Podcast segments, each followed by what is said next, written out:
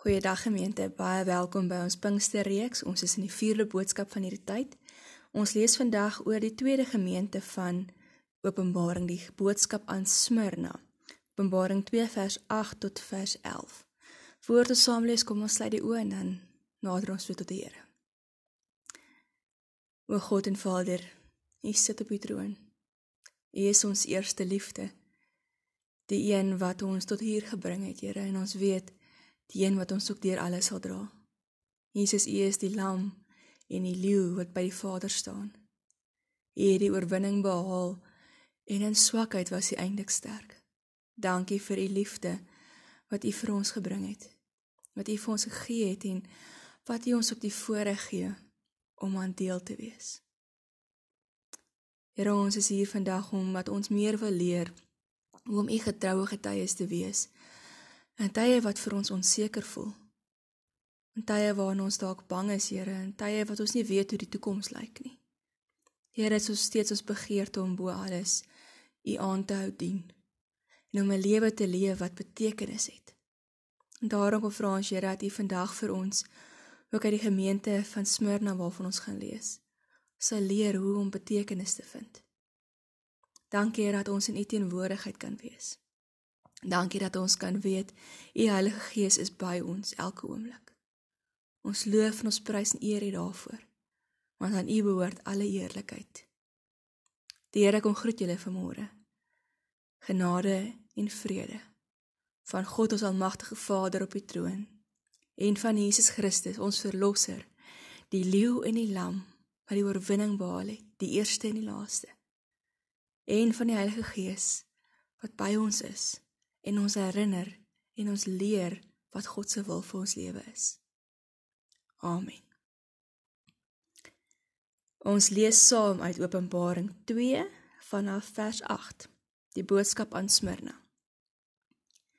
Skrywe aan die leraar van die gemeente in Smyrna. So sê die eerste en die laaste wat dood was en weer lewend geword het. Ek ken julle verdrukking en julle armoede en tog is jy ryk. Ek weet ook van die kwaadstokery van die mense wat daarop aanspraak maak dat hulle Jode is en dit nie is nie, maar tot die sinagoge van die Satan behoort. Moenie bang wees vir alles wat julle gaan ly nie. Kyk, die duiwel gaan party van julle in die tronk laat gooi sodat julle in beproewing sal kom en julle sal 10 dae lank baie swaar kry. Bly getrou tot die dood toe. En ek sal julle die lewe as die kroon gee. Elkeen wat kan hoor, moet luister wat die Gees vir die gemeente sê. Die wat die oorwinning behaal, sal beslis nie deur die tweede dood getref word nie. Die tweede brief, hierdie brief van Smyrna, leer ons dat Smyrna 'n hawe stad was met 'n baie goeie ligging. Smyrna staan van is bestaan vandag nog en is bekend onder die naam Ismar, Izmir in moderne Turkye. Die stad was blykbaar 'n pragtige stad gewees. Die inwoners van Smyrna in daardie tyd was ryk en hul kultuur was volop. En as gevolg hiervan is daar op die muntstukke van daardie tyd Smyrna se reputasie gedruk wat bekend was as 'n eerste in Asië vir haar pragt na grootte. Van die gemeente van Smyrna weet ons nie veel uit die res van die Nuwe Testament nie. Ons kan in hierdie brief aflei dat in kontras met die dorp waar hulle gebly het, was die gemeente arm. Die gemeente was waarskynlik ook baie klein geweest. Ons kom agter dat hulle baie verdrukking beleef het. Dat die Jode wat in die stad gewoon het kwadraant teenoor hulle was en dat daar ook sterk bande in die stad met Rome was. En daarom lees ons dat hierdie gemeente kwaai verdrukking beleef het. Die verdrukking waarvan hier beskryf word, is dieselfde as wat ons lees in Jesaja wanneer Jesus gesal gesê word Jesus word verbrysel. Dis 'n verdrukking wat jou van alle kante af druk en wat jou kan breek en platdruk. Daar was baie druk in hierdie in hierdie dorp en hierdie stad om die keiser as God te erken. En die mense wat gekies het om dit nie te doen nie en nie vir hom te buig nie, is uitgestoot en doodgemaak. En dit verduidelik ook waarom hierdie gemeente arm was. Want die res van die samelewing sou nie vir hulle werksgeleenthede gegee het nie. Hulle sou nie die besighede ekonomies ondersteun het nie. En om dit erger te maak, was daar 'n emosionele verdrukking ook, 'n geestelike verdrukking. Want die Jode wat voorstel was om soos broers en susters vir hierdie gelowiges te wees, het hulle afgeknou en die lewe vir hulle moeilik gemaak. En tog, ten spyte van hierdie uitdagings, hoor ons wonderlike goed oor hierdie gemeente. Hierdie gemeente het daarin geslaag om ten spyte van moeilike omstandighede waarin hulle hulle self bevind, getrou te bly aan Jesus en die evangelie. Maar dit was juis hierdie getrouheid wat vir hulle die moeilikheid gebring het. En daarom word hulle gewaarsku dat hulle in die tronk gegooi kan word, dat swaar beproewings oor hulle pad gaan kom en dat hulle selfs die dood in die oë gaan moet kyk, maar getrou moet bly. Een van die verhale wat die beste beskryf wat in Smyrna gebeur het, is die marteldood van Polycarpus. Hy was 'n biskop in Smyrna, later 'n biskop. En dit die verhaal vertel vir ons iets van hoe dit werklik gelyk wanneer so iemand vervolg is, soos hierdie gelowiges vervolg is. Polycarpus is lewendig verbrand omdat hy geweier het om selfs 'n klein ingewing te maak en sy geloof op te gee. Die storie word vertel dat een van sy bewaarders hom aangemoedig het om net 'n bietjie wierook te te brand voor die keiser se standbeeld en hom net een eet te sweer in die keiser se naam. 'n Klein bietjie, net een. Maar Polycarpus het geweier. En as gevolg hiervan is hy lewendig verbrand en het hy met sy lewe betaal. Dis wat hierdie gemeente in Smyrna geken het. Hulle was nie bereid om een klein toegewing te maak nie. Waar ons gister gelees het dat die gemeente in Efese moes leer liefkry, moes die gemeente van Smyrna leer hoe om te ly. Hoe om swaar kry en beproewings in die oë te kyk. Nou lyding is nie iets waarvan ons hou nie. En tog word ons telkens daaroor gewaarsku in die Nuwe Testament dat dit onlosmaaklik deel is van ons gelowiges se lewens. Maar is iets waarmee ons hier in Suid-Afrika nie werklik mee bekend is nie. Dalk ervaar ons iets daarvan omdat ons nou nie kan kerk toe gaan nie, maar tog word ons steeds nie vervolg nie. Tog is dit steeds nie dieselfde as wat gelowiges in vervolgde lande beleef nie. Ons sukkel om eintlik te verstaan wat beteken dit om verstoot te word, om verwerp te word, om vervolg te word vir dit wat ons glo. Vir ons bly dit 'n voorreg om God vrylik te dien. En bly vir ons 'n vreemde begrip om te ly vir ons geloof. In in Filippense 1 vers 29 staan daar dat God ons die voorreg gee om Christus te dien deur nie net in hom te glo nie, maar deur ook vir hom te ly. Dis 'n voorreg om te ly. Maar dis nie 'n voorreg wat ons onsself toeken nie. Dis iets wat gebeur met ons in die lewe en waarin ons moet sterk staan.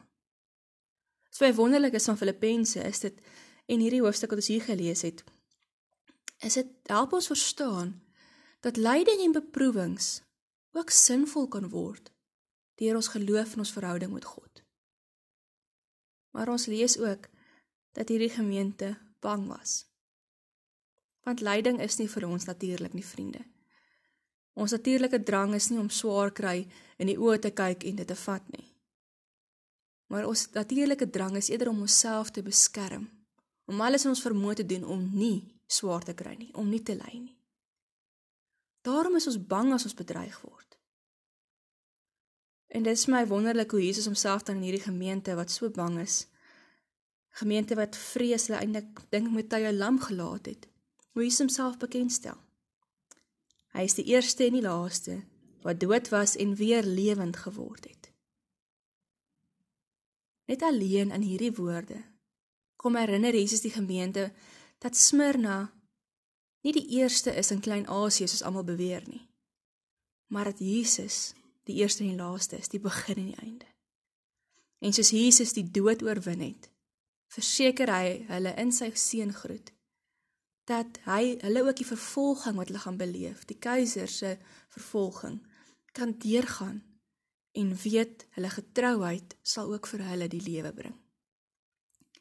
So die vraag wat hierdie gemeente vir ons vra is: Hoe leer hierdie gemeente en by implikasie ons hoe beproewings en selfs bittere swaar kry en dood, hoe ons dit kan hanteer sonder vrees, maar eerder met hoop en sinvolheid daarin kan vind. Die eerste riglyn dink ek wat hierdie gedeelte vir ons gee is om die beloftes wat God maak te glo en ons eie te maak. Hierdie openbaring wat die Christus hier in die gemeente sê om te sê ek is die eerste en die laaste. Dis goed wat ons moet vat, dis beloftes wat ons moet vat en ons eie maak. Christus verseker hierdie gemeente en ons dat hy by ons is. Die woord is so vol bemoedigende en vertroostende skrifgedeeltes wat ons herinner en bemoedig dat God by gelowiges is wanneer ons swaar kry. As ek aan die kruis dink wat ons gepraat het oor is 'n swakheid, is een van die wondere vir my daarvan dat dit my ook herinner dat in my swakheid is God by my. God is juis op 'n besonderse manier by ons wanneer ons ly en beproewings beleef en seer beleef, omdat Christus self weet hoe dit voel. Omdat hy dit self beleef het, gekies het om dit te beleef om in saam met ons daarin te kan staan. Jesus ken selfs 'n marteldood aan die kruis. Die dood van 'n sondaar. Hy ken verstoting, hy ken uitsluiting. Hy weet wat dit is om deur die mense naaste aan jou verlaat te word. Jesus ken alle forme van seer en beproewing. En ons kan weet dat as hy vir ons beloof in die woord, hy by ons is, hy waarlik by ons is. As ons wil begin betekenis in lyding vind, so Smyrna gevind het, moet ons leer vashou aan God se beloftes en vertrou dat hy by ons is selfs al lyk dit nie so nie. Selfs al gaan ons vir tye baie lank swaar kry moet ons getrou bly. En daarom kry die gemeente ook die volgende riglyn en dis om met ander oë ek wil sê geestelike oë na ons lyding te kyk hier in hoofstuk 2 word lyding beskryf as iets groter wat gebeur. Die Satan word beskryf as die een wat lyding oor hulle bring. Maar die gemeente hoef nie bang te wees nie. As met geestelike oë na lyding kyk, besef ons daar is 'n groter prentjie agter alles. Dis dieselfde as wat ons in die boek Job ook lees. Lyding is nie God se wil nie. Maar God is wel by ons teenwoordig wanneer ons swaar kry. So baie keer wanneer ek deesdae hoor oor lyding en swaar kry, dan sien ek hoe mense fokus op Satan. Hoe mense sê al hierdie magte is daar wat ons teenstaan. Mense sê ons moet vrees vir die ander geeste en demone van Satan wat in die werk is rondom ons. En dan wonder ek, waar kry ons dit?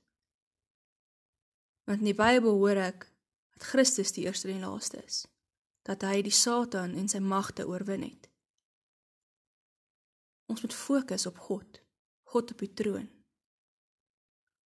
Ons moet fokus op Jesus wat met sy oorwinning alle magte oorwin het. As ons op Satan en sy magte gaan fokus, word ons gevul met vrees en onsekerheid. En die vrees laat ons lam. Die vrees maak dat ons nie kan getuig nie, want ons raak bang, soos hierdie gemeente bang geraak het. En dan sien ons dikwels niks anders as ons onmiddellike vrees en omstandighede raak nie. Ons sien nie raak dan waarmee is God besig nie. Ons sien nie raak wat 'n geleenthede daar is om te getuig te midde van ons omstandighede nie.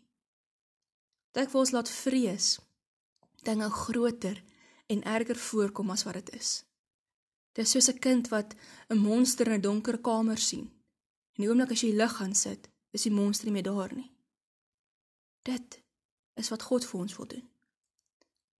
Hy vra dat ons in Smyrna bewuslik ons oë oopmaak en sy teenwoordigheid soek wanneer ons swaar kry en nie in die donker kamer gaan vrees vaskyk nie. Dit is belangrik dat ons sien dat hierdie trooswoorde van Jesus is, maar dis ook woorde met 'n opdrag. Dis 'n opdrag om te kies om die Here te soek wanneer ons vrees en wanneer ons swaar kry. Dis 'n opdrag om te kies om nie bang te wees nie, selfs al voel dit of die vrees ons wil lam laat en ons oorval. ons kan kies om nie ons vrese en ons beproewings eerste in ons lewe te maak nie. Maar Jesus eerste in ons lewe. Om betekenis in ons lyding te vind. Net moet ons moet ons net soos die gelowiges in Smyrna ons geestelike oë oopmaak.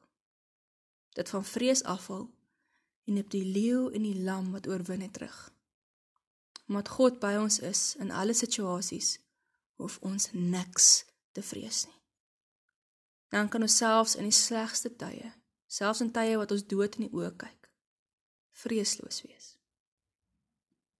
En daarom is daar ook die belofte vir die gemeente in Smyrna dat elkeen wat die oorwinning behaal beslis nie deur die tweede dood getref sal word nie. Die tweede dood in die Bybelse tyd is 'n dood na die eerste fisiese dood. Dis 'n dood wat beskryf word vir die mense wat goddeloos is, die mense wat God verloon op hierdie aarde. Dis daarom 'n geestelike dood. Maar sê Jesus, vir die een wat die oorwinning behaal, vir die een wat kies om hulle oë op God te hou, wat kies om getrou te bly ten spyte van omstandighede.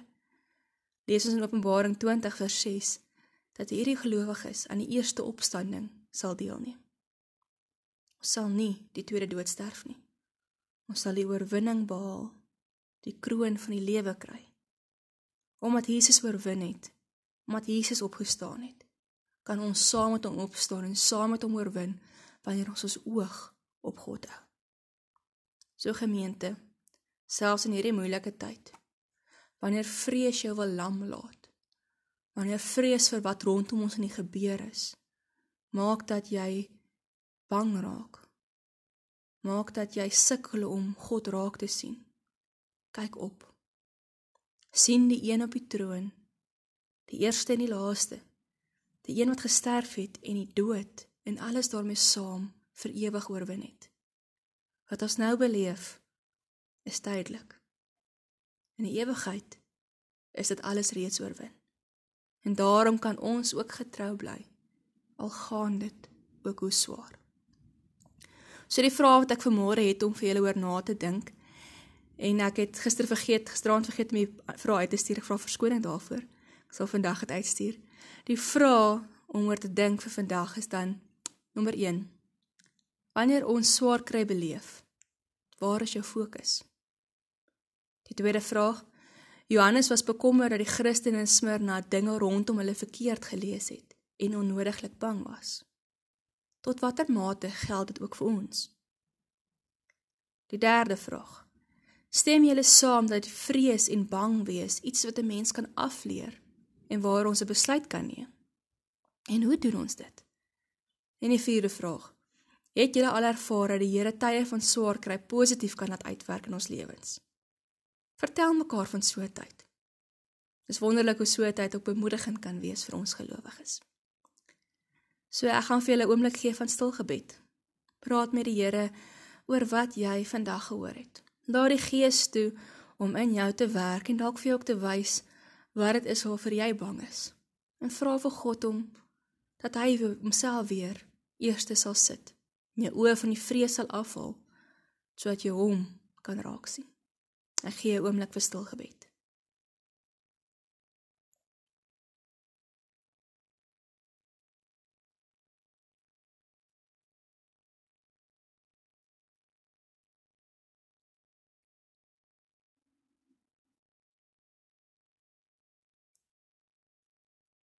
Dankie Here dat ons nie hoef bang te wees nie. Dankie dat U die eerste en die laaste is, die een wat oorwin het en die een wat vir ons die oorwinning wil gee. Help ons om minder bang te wees, Here. Help ons om op U te vertrou. U beloftes vas te hou en ons eie te maak, Here. Here, ons kom dink ook aan gelowiges, aan Christene wat wêreldwyd onder ongelooflike swaar verdrukking deurgaan. Selfs in hierdie tyd, Here. Wat hulp en mediese sorg geweier word omdat hulle gelowiges is, Here. Ons kom bid vir hulle, Here, en ons kom vra dat U hulle gees sal versterk. Soos U ons en ook daagliks versterk. Here, dat U vir hulle die oorwinning sal gee waarna hulle so getrou uitsien. Here, ons kom bid ook vir mense wat op hierdie stadium swaar kry. wat oor verskillende goed vrees, Here, wat bang is vir siekte, wat bang is vir ekonomiese probleme, Here, finansiële probleme. Wat bang is dalk selfs by hulle huise met ander goed, Here. Daar's soveel goeie dinge wat ons bang maak. Kom help ons, Here, om ook in hierdie tyd aan U vas te hou. Here, ons weet U is die eerste en die laaste. Die begin en die einde. En aan U, Here Jesus Christus, die leeu en die lam, U het die oorwinning behaal. U is by die troon van die Vader en daaraan hou ons vas. Ons eer die Here. Mag die genade van ons Here Jesus Christus en die liefde van God ons Vader en teenwoordigheid van die Heilige Gees by elkeen van julle wees en bly. Amen. Boodskap volgende boodskap gaan ek môre uitstuur. So geniet die dag gemeente en bly getrou ten spyte van alles.